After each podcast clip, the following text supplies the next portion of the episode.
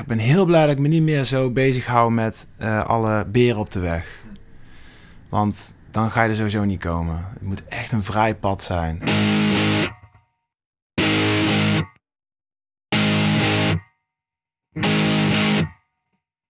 Welkom bij Geluidsdruk, je favoriete podcast door, Muzikanten. voor, Muzikanten. met, Muzikanten. maar ook. Voor niet-muzikanten. Ik ben Steven Collé En ik ben Daan van Aarden. en wij bespreken het wel en wee van het muzikantschap met Robin Borneman.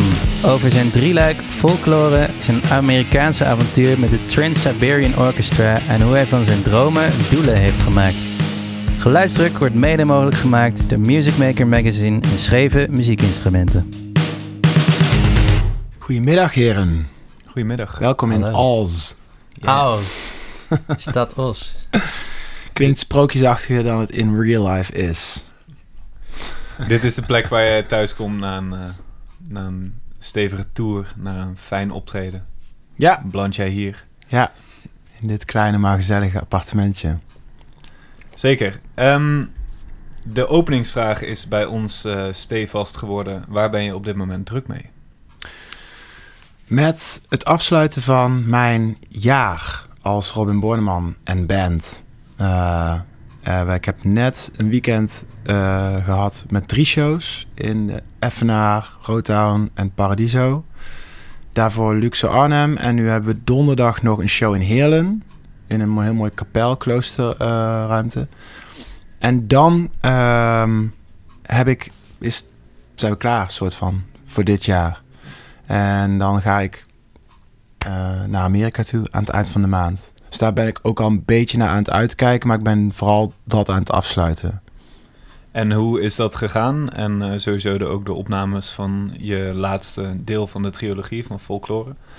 Heel goed, ik ben heel blij. Eh, deel 3 is, voor zover ik zelf kan zeggen, heel goed gelukt.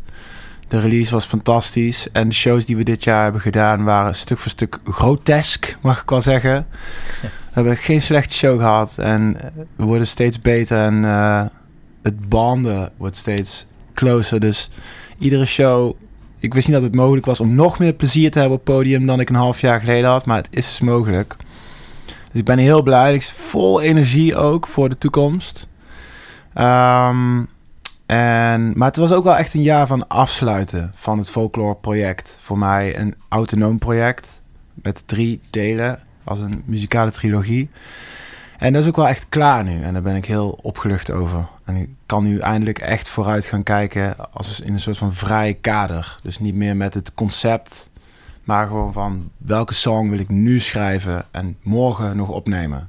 En dat is echt fijn. Ik voel me heel Ja. erg vrij. Dus, eh, dus eh, ik ben heel blij. Want eh, had je dan had je een beetje spijt op een gegeven moment van een trilogie? Shit, Zeker geen ik, spijt, maar nee, nee, nee, geen spijt. Ik ben natuurlijk ook onwijs trots op. Alleen, ehm, ik ben heel enthousiast en ik roep vaak dingen in mijn enthousiasme. En, en in die zin past het ook wel dat ik met een eerste deel kwam van wat een trilogie zou gaan worden. Dat is wel een beetje, ik denk altijd in veel grotere termen dan ik aan kan. Maar dat pusht me ook naar voren, dus dat is heel mooi.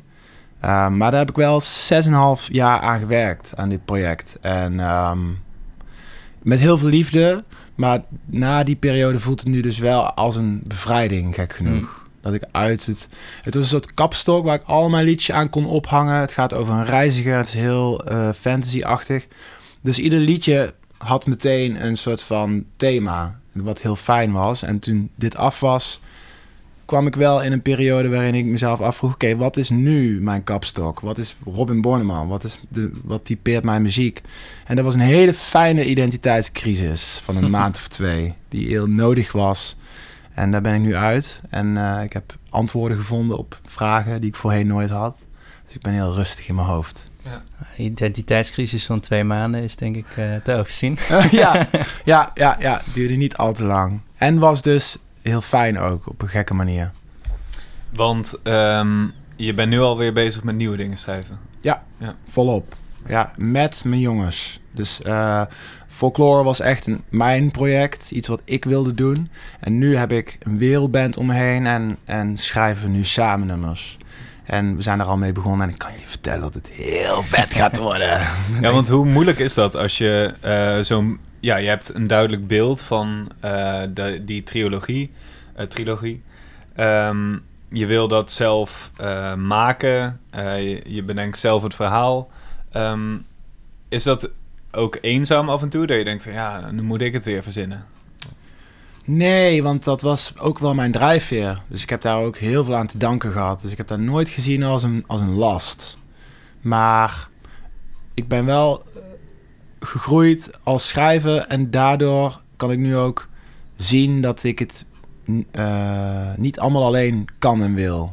En ook de kunst van het weglaten heb ik als een van de laatste dingen geleerd, of ben ik eigenlijk nog aan het leren. En in die zin is het heel fijn om nu gewoon zonder gitaar om mijn nek met de jongens samen iets te zingen. Van jongens, dit is een beetje het idee. En dan gewoon te horen hoe het zichzelf een beetje invult. Dat is iets wat ik voorheen niet kon, omdat ik die control dan wilde. Control freak ook wel was. Maar uh, nu vertrouw ik echt op hun. En, uh, en daardoor wordt het beter, merk ik. Dus het is echt een hele mooie ontwikkeling. Ik ben een beetje van zolderkamerartiest doorgegroeid naar een singer-songwriter met band. En nu wordt dat een band. Echt, ik laat het singer-songwriterschap voor wat het is. En ik word meer een frontman, wat me nog beter past, als ik zelf mag zeggen. Dus.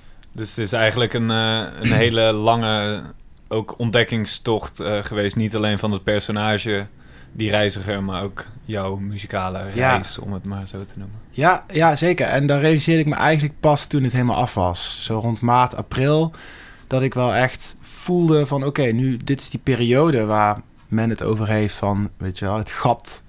Hmm. Dat ik toen pas echt om me heen ging kijken en ook de trilogie echt kon zien voor wat het was. Objectiever. Um, ja, het was heel bijzonder. En... Uh, en filosofisch ook wel. Omdat je dan toch wel anders gaat nadenken over wie je zelf bent.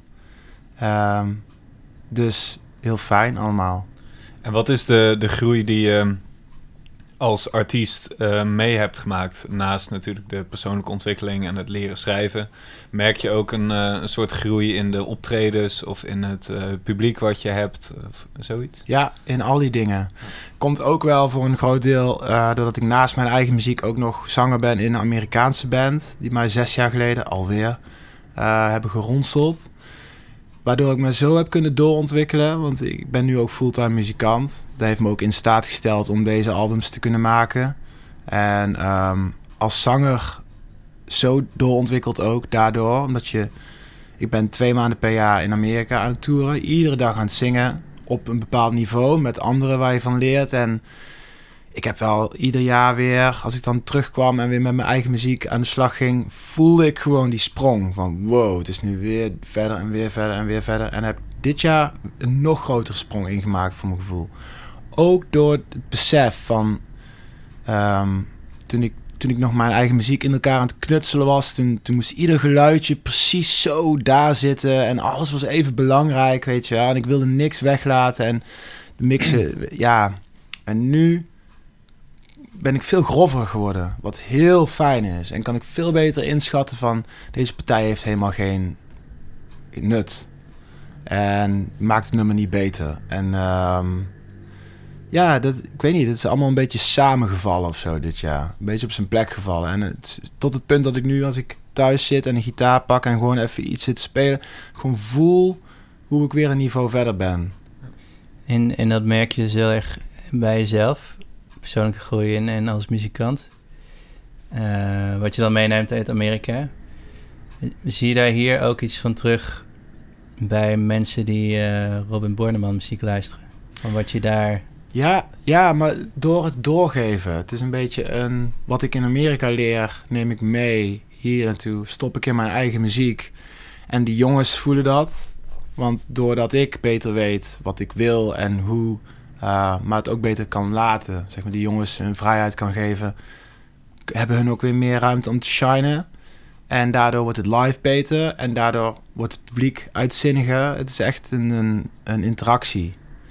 Um, dus die valt of staat niet eens met mijn persoonlijke ontwikkeling, maar gewoon met alles eromheen. Mm. Zoals je, je bent natuurlijk wie je bent, maar ook de wereld om je heen is ook onderdeel van wie jij bent. En ik, ik voel dat heel erg zo. De, energie die ik terugkrijg van het publiek is hetzelfde als het enthousiasme wat ik erin stop. Het is echt grappig hoe dat werkt. En dat eh, Amerikaanse verhaal, dat is dus inderdaad in 2013 begonnen. Je uh, maakte hier ja, in Nederland wel muziek. Uh, je had ook al een plaat of meerdere dingen gemaakt. je zette een cover van Tom Waits online. En toen zagen ze dat in Amerika. En dat was dan het Trans-Siberian Orchestra. Wat enorme shows doet in het najaar inderdaad. Um, ja, zeg maar stadionshows, toch? Niet? Ja, groteske Amerikaanse laser, pyro, danseressen shows. dat is wel even wat anders dan je zolderkamer. Dus hoe was die omschakeling toen je daar voor het eerst kwam? Dat was een hele grote omschakeling. En ook nu terugkijkend vraag ik me ook af hoe heb ik die eerste twee jaar overleefd. Want ik was ik, niet helemaal van singer-songwriter in die grote pool gegooid. Mijn grote geluk was dat ik destijds ook in een electro-band zat, Dear World uh, genaamd. En dat ik daar best wel veel podiumervaring mee had opgedaan. Als ik dat niet had gehad, hoe, dan was ik misschien wel. Eh, dan was de sprong wel heel groot geweest. Dus ik had wel een soort van stage credit. Maar in mijn hoofd was ik wel echt nog een zolderkamerartiest van heel regionaal niveau. In één keer op dat niveau uh, meedraaien. Ja, dat was wel een grote verandering. En um, de eerste twee jaar heb ik vooral aan de zijlijn gestaan en om me heen gekeken. Om me niet te veel in de weg te lopen en te doen wat van me werd gevraagd. Ehm, en het duurde ook wel een paar jaar voor, voor ik me besefte dat ik, dat ik één van de band was. Dat ik gewoon een onderdeel was van de band. In het begin was het best intimiderend, mag je best weten. Hmm. Amerikanen zijn ook heel zelfverzekerd en er lopen gewoon een paar jongens rond die al zoveel ervaring hebben. En ik als jonkie, um, ja, was nogal groen. Maar dat is ook weer mijn voordeel geweest. Want daardoor stelde ik me zo gedienstig op. En, uh, en nog steeds hoor. Alleen, ja, inmiddels... Dan leer je het meeste eigenlijk. Dan leer je het meest, inderdaad. Door veel te luisteren en om je heen te kijken. Um, ja, en er lopen, er lopen genoeg karakters rond. Ik hoef daar mijn charisma niet aan toe te voegen. En ook muzikaal is het natuurlijk een stuk groter, uh, een stuk Amerikaanser misschien wel. Um, en daarmee leerde je dus ook op een andere manier zingen. Ja, ja. En ook, ja, ook dat besef kan pas later. In het begin merkte ik nog niet hoezeer het mij veranderde. Maar nu zie ik ook wel in dat ook de ambitie die ik heb met mijn eigen muziek en de shows die ook wel veranderen. En uh, dat dat wel samenhangt. Uh, die productie in Amerika is enorm. Is echt met 100 man crew en 20 uh, eh, stage trucks. En uh, ja, je ziet dat wel om je heen gebeuren. En het zet je wel aan het denken van... Oké, dat is misschien voor mijn muziek niet haalbaar. Dat hoeft ook niet. Maar het inspireert je wel. Je leert wel meedraaien met zo'n productie. En, en dan kom je hier weer en dan ga je toch dingen overnemen.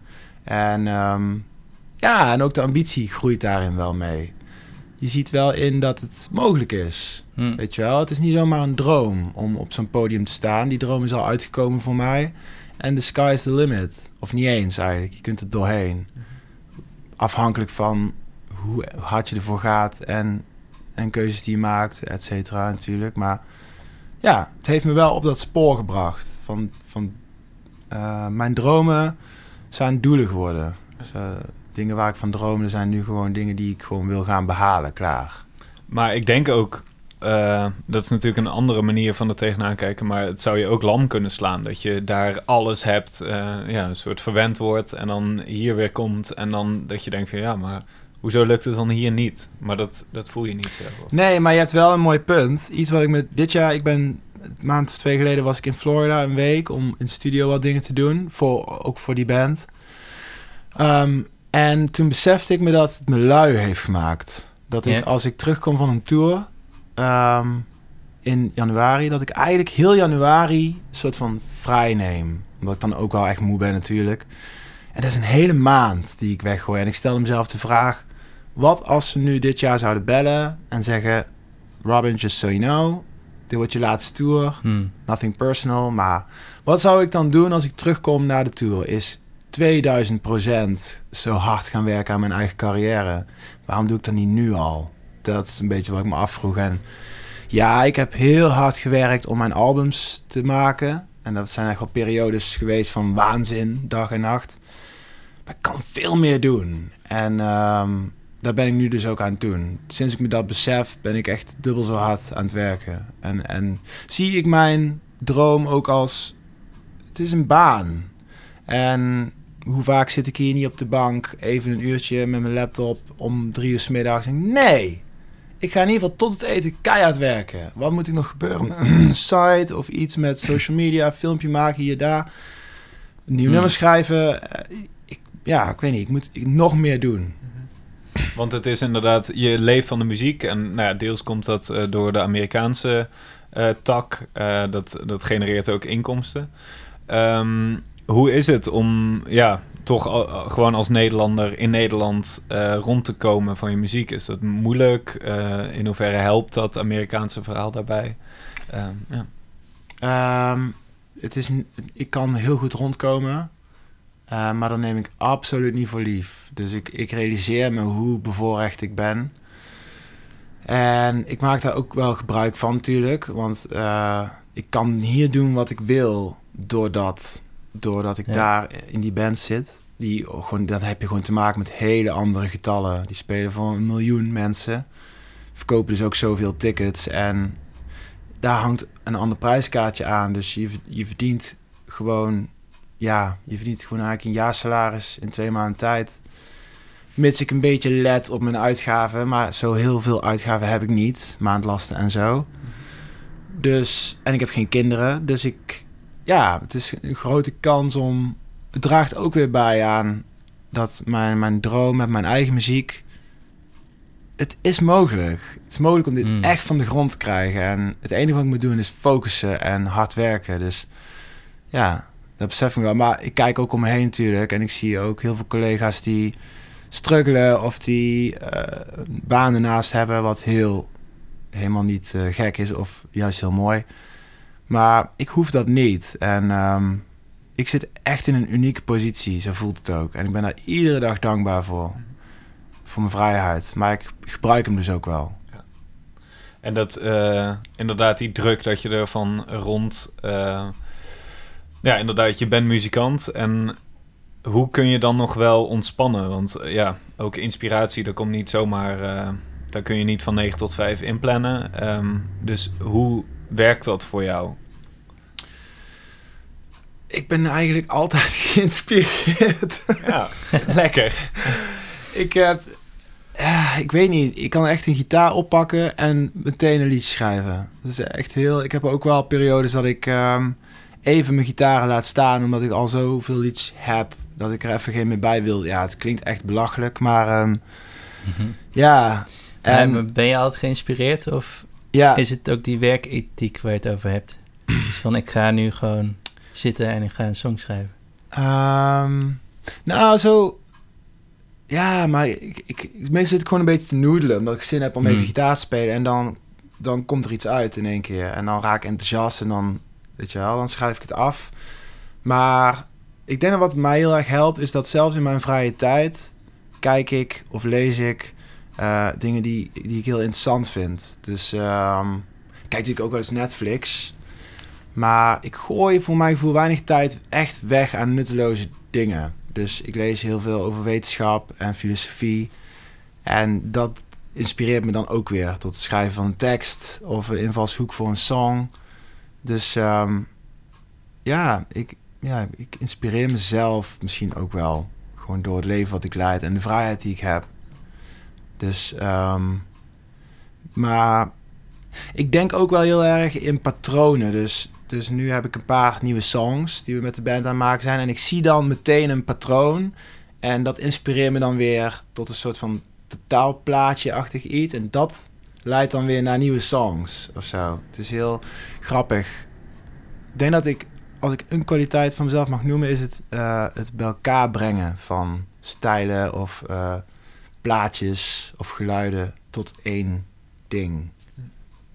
Vind je het soms ook lastig omdat jij wel eh ervan rond kan komen? En ja, sommige mensen, of ik denk de meeste mensen, moeten er inderdaad ook naast werken.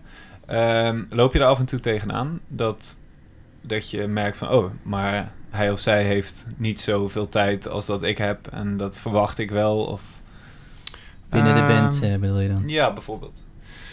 Mm, nou, alleen pract in praktische zin misschien. Dat ik... eh tuurlijk zou ik willen dat, dat al mijn bandleden...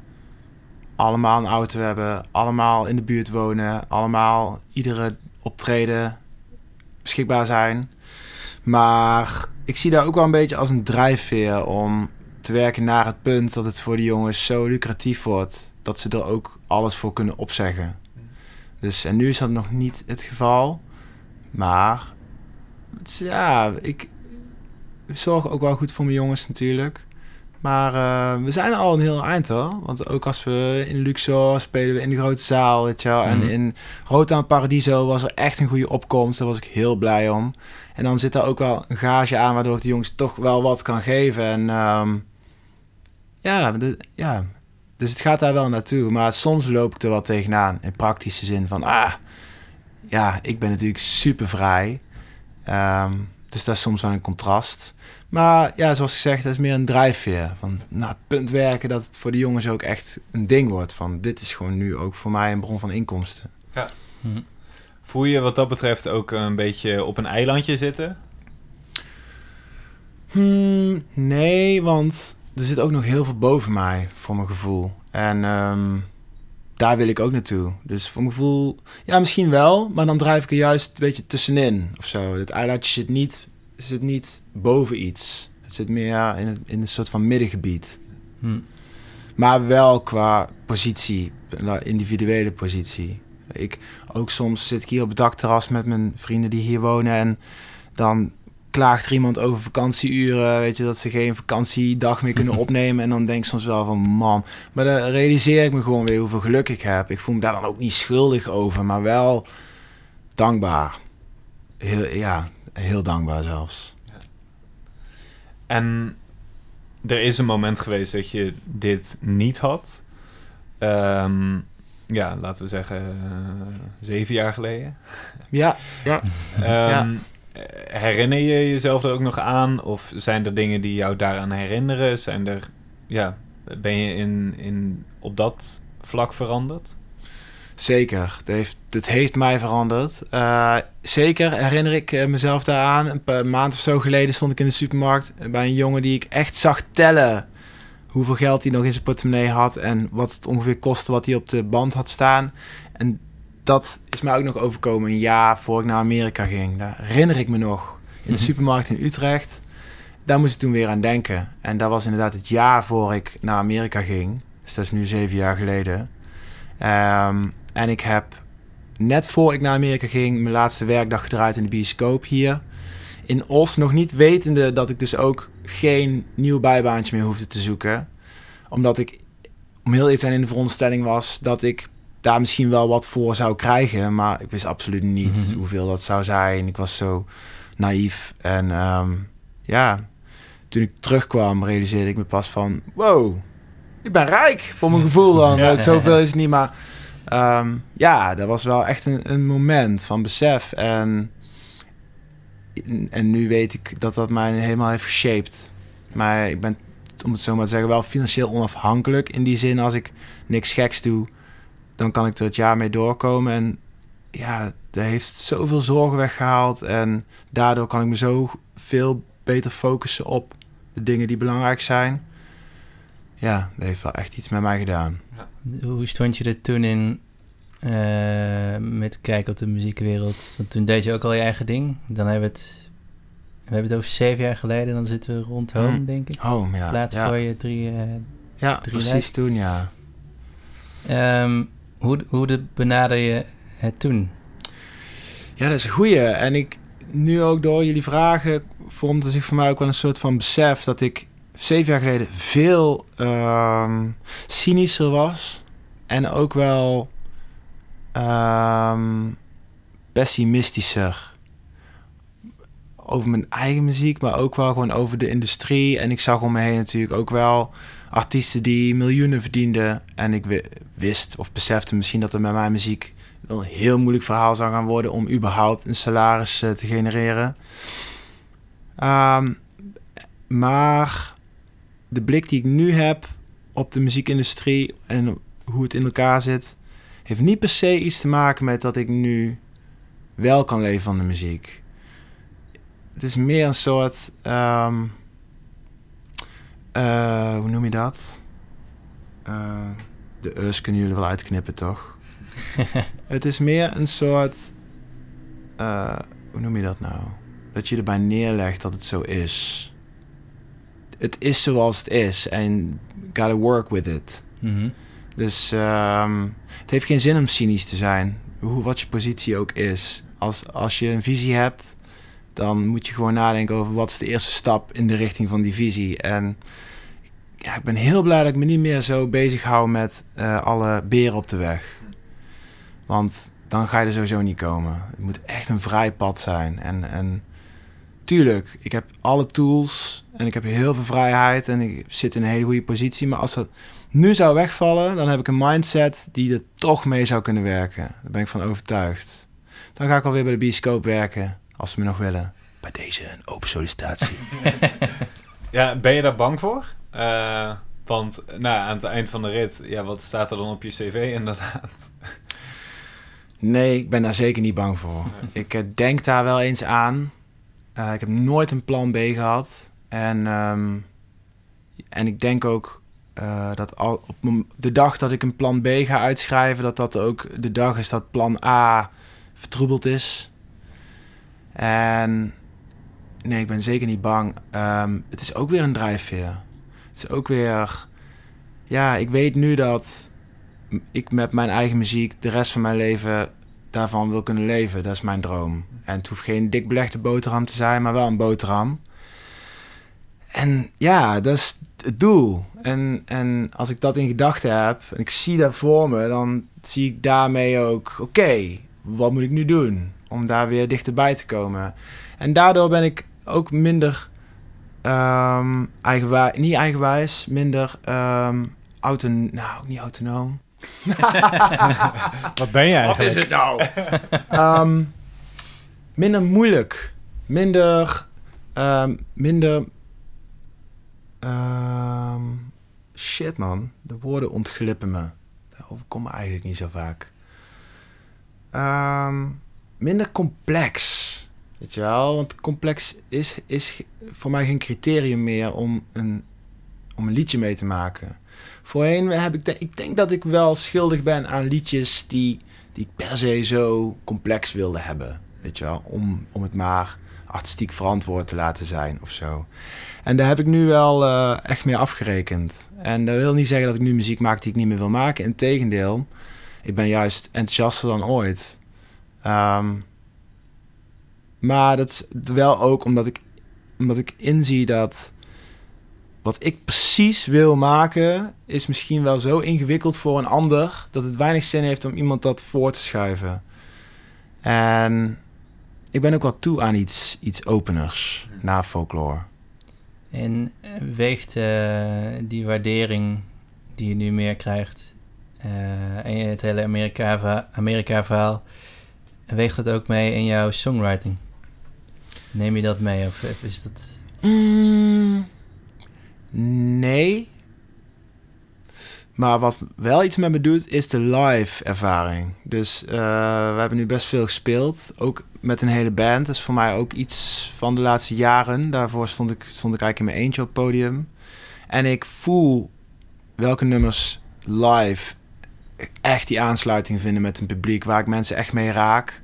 En dat zijn ook de nummers waar zelf het meeste energie vrijkomt als ik die zing. Een nummer als Awake of de cover van, Xavier Rudd, Spirit Bird bijvoorbeeld. En dat zijn ook wel de richting die ik nu op wil. Dus, dus dat neem ik wel mee. Daar denk ik wel aan. Ik denk nu meer, als ik een nummer aan het schrijven ben, van hoe gaat dit daar live zijn? Ja. En voorheen was het meer, hoe, hoe is die beleving als je thuis op een speakerset gaat beluisteren? Waar folklore dus eigenlijk ook wel echt voor is gemaakt. Dus echt een luisterbeleving. En ik heb nu heel veel zin om een live beleving te gaan creëren. Dus Is het heel plat geslagen dat je eerst vooral in je hoofd de dingen maakte eh, die, je, die je graag zelf in je hoofd hoort of die je in jezelf hoorde? En dat je nu meer eh, het uit jezelf haalt en het laat horen, eh, ook live. En, Het is heel mooi gezegd. Ja. Heel mooi gezegd. ja, zeker. Ja. dank je. De live kant eh, is natuurlijk nog geen arena formaat. eh, zoals eh, in Amerika wel het geval is. Maar ambieer je dat met de eigen muziek? Nu niet. En vooral vanwege... Ik had hier een gesprek over met Marlijn Nash, toetsenist in mijn band. Die kwam het heel interessant gegeven dat hip-hop zo klinkt, omdat dat in auto's moest worden gedraaid met Hmm. dikke eh, subwoofers en zo. En dat bijvoorbeeld jazz zo klinkt, omdat het in kroegjes werd gespeeld. En jazz bijvoorbeeld in een, in een stadion helemaal niet zou werken. Dat hoor, dan hoor je niks meer. En dat muziek ook verandert op het moment dat een band een stadion act wordt. Kijk maar naar een band als Muse, weet je wel. Dat doet iets met je muziek. Ja. Je, je realiseert je dat, dat de nummers die je misschien het liefst zou willen spelen dan niet meer werken. En ik denk dat de muziek die ik nu wil maken, maar ook wil blijven maken, dat dat toch geen muziek is die in een arena moet klinken. Ik denk dat dat toch altijd muziek zal zijn die een maatje kleiner beter past, denk ik. Dus alleen vanwege daarom al. Maar ook een beetje, en dat zeg ik misschien ook wel omdat het heel ver buiten mijn bereik ligt, stadionformaat. Maar ik zie ook wel om me heen wat het doet met een bedrijf als het zo groot wordt. Waar, waarin je als CEO ook helemaal niet meer in de gaten hebt wat er eigenlijk op de werkvloer nog gebeurt. En dat zou ik ook niet willen. Ik probeer het juist echt te houden. En ik vind het heel fijn om in Amerika in stadions te kunnen zingen en hier in poppodia. Maar ik vind het dan fijner om in poppodia te spelen, omdat je daar de mensen ook echt ziet. En naderhand het publiek in Mm. kan. En die connectie die zou ik wel echt willen behouden. Maar nogmaals zeg ik ook wel een beetje omdat we dus geen stadion act zijn. Ja. Maar het, het beïnvloedt eh, elkaar. Dat is wel interessant, ja. Ja, dat is echt zo. De, de, de ruimte waarin een band hoort, tussen haakjes hoort, ja. heeft die muziek ook wel geshaped. Het doet me denken aan het boek van David Byrne van eh, Talking Heads. Oh, Hij heeft daar ook over ehm, bijvoorbeeld religieus muziek. eh, werd dan in de kerk gezongen. En die had natuurlijk heel veel gram, Ja. waardoor het allemaal teruggebracht werd tot stemmen, bijvoorbeeld, om maar iets te noemen. Dus ik vind het wel grappig dat we nu een beetje de, de tijd van nu, in het, dan het stadion inderdaad, een band verandert, wordt groter en gaat dan ook schrijven naar de plek waar je Ja. speelt. ja. Slowly but steadily. Je ziet het in heel veel bands ook wel. Ja. Weet je wel. En dat is helemaal niet beter of slechter. Uh, maar ook als ik kijk naar Muse bijvoorbeeld, dan persoonlijk vind ik dan hun eerdere albums vetter dan latere albums. Ja. Maar goed, zijn mensen die het andersom zien en dat is helemaal prima. En je hebt ook bands die daardoor imploderen, zoals de Beatles bijvoorbeeld, die juist zeggen Ja. van nou, het werkt niet meer Ja, in eh ja, stadions. zeker, Eh, ja. we gaan lekker Klopt. de studio in, zoek het maar uit. Ja, klopt. Nou ja, dat is inderdaad een mooi voorbeeld. Inderdaad, die, hebben, die realiseerden zich dat en die dachten, ja, dat willen we niet. Die hadden natuurlijk ook genoeg geld om niet meer te hoeven spelen. Ja. Maar, nou ja, zeker. Ik denk dat dat, dat argument voor mij, creatieve argument, zwaarder weegt dan het succesargument. Nu. Ik kan alleen maar spreken voor Over dit tien moment. jaar eh, spreken we Robin Borneman weer. Met mijn lange Bon Jovi haar Ja, precies. geen shirt. En hey guys. Dat je zelfs een reverb op je stem hebt in een podcast. Dat we die podcast dan ook opnemen in het stadion. ja. Een stadion van Top Os dan? Of, eh, Ja. ja, nou ja, ik zie natuurlijk eh, als morgen de AFAS eh, aan de telefoon hangt, dan eh, ja, tuurlijk lijkt het me fantastisch om daar te spelen. Of ja, dan praat je eigenlijk over een Ahoy als je het hebt over stadions. Maar ik zou eerlijk gezegd niet weten wat ik dan met mijn setlist zou moeten doen. Want 9 van de Hmm. 10 nummers zijn, ja, moeilijk om in een stadion te spelen. Ik, eh, ik ben blij, eh, maar je klinkt eh, zo, zo optimistisch en zo positief over muziek maken. Dat, dat, ik vind het bijna eng. Ik geloof zak van. Ja, zit jij ook wel eens gewoon verbeten of, eh, of boos of eh, huilend op de bank dat je denkt van, ah, nu gaat het echt niet. Steeds minder eigenlijk. Steeds minder. Maar ik heb ook wel echt wel een, eh, momenten gehad hoor. Dat je ziet dat. Eh, ik ben een groot fan van Nick Drake. En van nummer Riverman is een van mijn lievelingsnummers. Dat ik me realiseerde dat Riverman 70.000 views had op YouTube in een tijd dat eh, Gangnam Style een miljard aantikte. weet je wel. En, maar ja, de meerderheid van het volk heeft het meestal niet bij het juiste eind. dat heeft niet alleen betrekking op muziek. Nee, ja, nee, dat, is, dat een beetje grapje, ook een beetje niet. Maar ik denk niet meer zo in bijvoeglijke naamwoorden. Ik zie bijvoeglijke naamwoorden steeds meer als ehm, eh, relatief. Dus ik denk niet meer in termen als beter of slechter. Het feit dat Justin Bieber zo bekend is, weet je wel, waar ik me voorheen misschien over kon verbijten, denk ik nu, nou, is toch te gek voor hem en te gek voor zijn fans. En het feit dat popmuziek steeds minder diepgang heeft, ik denk dat je dat wel kan stellen. Ik denk niet dat je kan stellen dat popmuziek slechter is geworden, want nogmaals, ja, slechter, maar dat het wel minder biedt, minder uh, rijk is aan tekst en melodie, zoals bijvoorbeeld klassieke muziek heel rijk is. Maar ook dat zie ik als, ja, is zo zoals het is. En en ik probeer gewoon met mijn muziek juist een plekje te veroveren in het hele spectrum. Omdat ik voel dat ik iets kan bijdragen. Maar wat daar verder allemaal gebeurt. Ja, er gebeuren dingen waar ik me ongelooflijk druk over zou kunnen maken. Maar ik kan me ook ongelooflijk druk maken over Trump. En daar weiger ik ook. Want daar is het leven echt te kort voor. Hmm. Dus uh, ik focus me liever op, op mijn verhaal. Dus eigenlijk die positiviteit waar je het straks over had, die je hebt meegenomen uit uh, nou, Amerika ook. En, en meer waardering voor je eigen muziek. Ja. Waardoor je dat, dat soort dingen... Door Amerika, maar, maar het is vooral een mindset die ik vooral uh, heb ontdekt eigenlijk. In, in mensen die ik volg, intellectuelen en, en mm wetenschappers en mensen die praten over mindfulness en filosofie. Um, ik, ja, ik kan het nu overal wel op projecteren. Ik ben natuurlijk muzikant, dus ik projecteer het op maken van muziek. Maar in principe maakt het niet zoveel uit wat je doet. Het is een mindset die, hmm. die overvleugelt. En, en, inderdaad, die is heel positief. Ja, Ik schrik er zelfs soms ook van. Ja, ik weet niet. Ik ben echt niet kapot te krijgen wat dat betreft. En ehm, steeds vaster in het zadel ook. Steeds meer met, die, met dat doel. Wat ik ook gewoon een beetje bij elkaar aan het dromen ben. Maar doordat het dan ook een beetje op zijn plek begint te vallen, krijg je zoveel moed. En dat draagt natuurlijk ook weer bij. Dus ehm, ja. En wat zijn die concrete doelen nou? Nou, mijn, ik heb ook wel een paar concrete doelen in mijn hoofd. Zoals bijvoorbeeld, uh, ik heb een foto gepost op mijn Instagram van een heel vet podium met een boom en een bos. En daar heb ik onder gezet, uh, this is going to be our stage in six of seven years of zo. Mm. Dat zit echt in mijn hoofd. En dat is nou nog vijf jaar verwijderd van hier. Dus uh, Down the Rabbit Hole wil ik toch wel...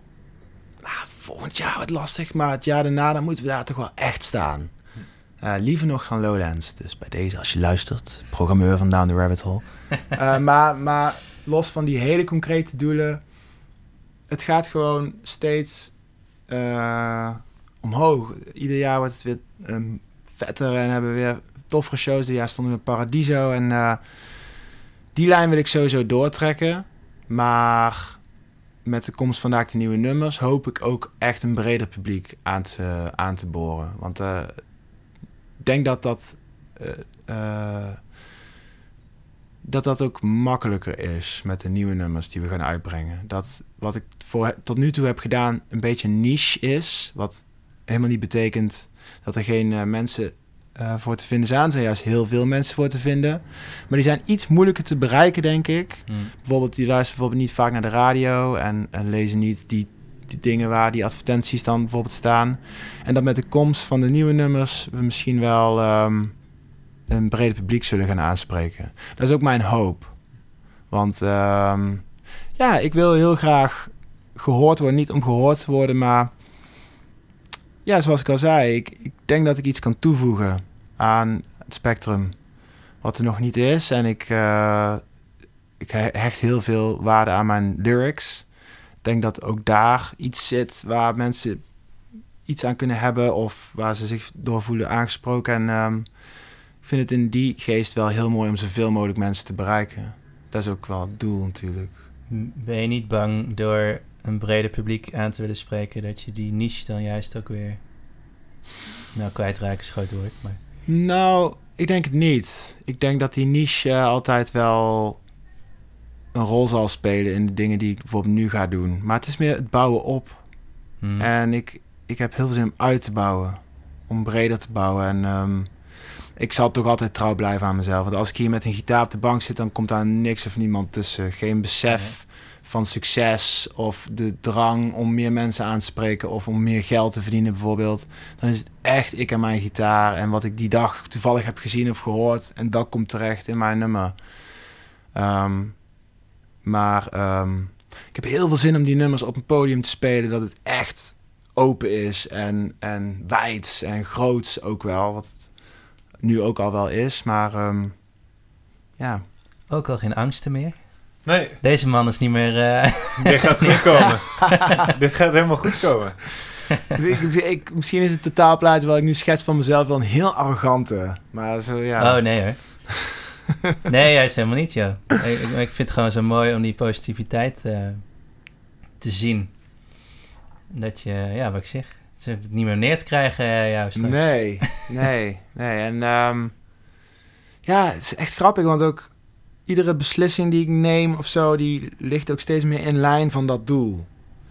Hele stomme, gekke dingen. Eh, ik ben nu heel aan het sporten en zo, omdat ik voel dat ik ook dadelijk op het podium ga rondrennen en dansen. En wat ik nu ook al een beetje doe. En ik weet niet, ik zie mezelf daar staan op dat podium. En dan door dat zien van dat plaatje zie ik ook wat er allemaal moet gebeuren. Net alsof je naar een schilderij kijkt en je ziet het echt voor je. En je ziet welke kleuren er zijn gebruikt en welke materialen. En of er een boom staat of een fruitschaal. En ja, en dat is misschien een beetje dat visualiseren waar ze het over hebben. Dat je het echt voor je ziet en dat je daardoor steeds duidelijker wordt wat je moet doen om daar te komen. En, en ik voel dat ik dat spoor nu heb aangeboord. Dat ik op weg ben naar dat plaatje. The meaning of life ook. Through En, music. en, en ondertussen the meaning of life. Maar dat the meaning of life is whatever you do that keeps you from killing yourself. Ook zo positief. Ja. Ja. nou ja, dan eh, kunnen wij jou denk ik eh, niet heel veel meer wensen dan die weg naar boven toe volhouden. En ja, dan gaan we nog heel veel van je horen hopelijk. dat denk ik ook. En ik hoop het ook. Bedankt. Graag gedaan. Jullie bedankt jongens.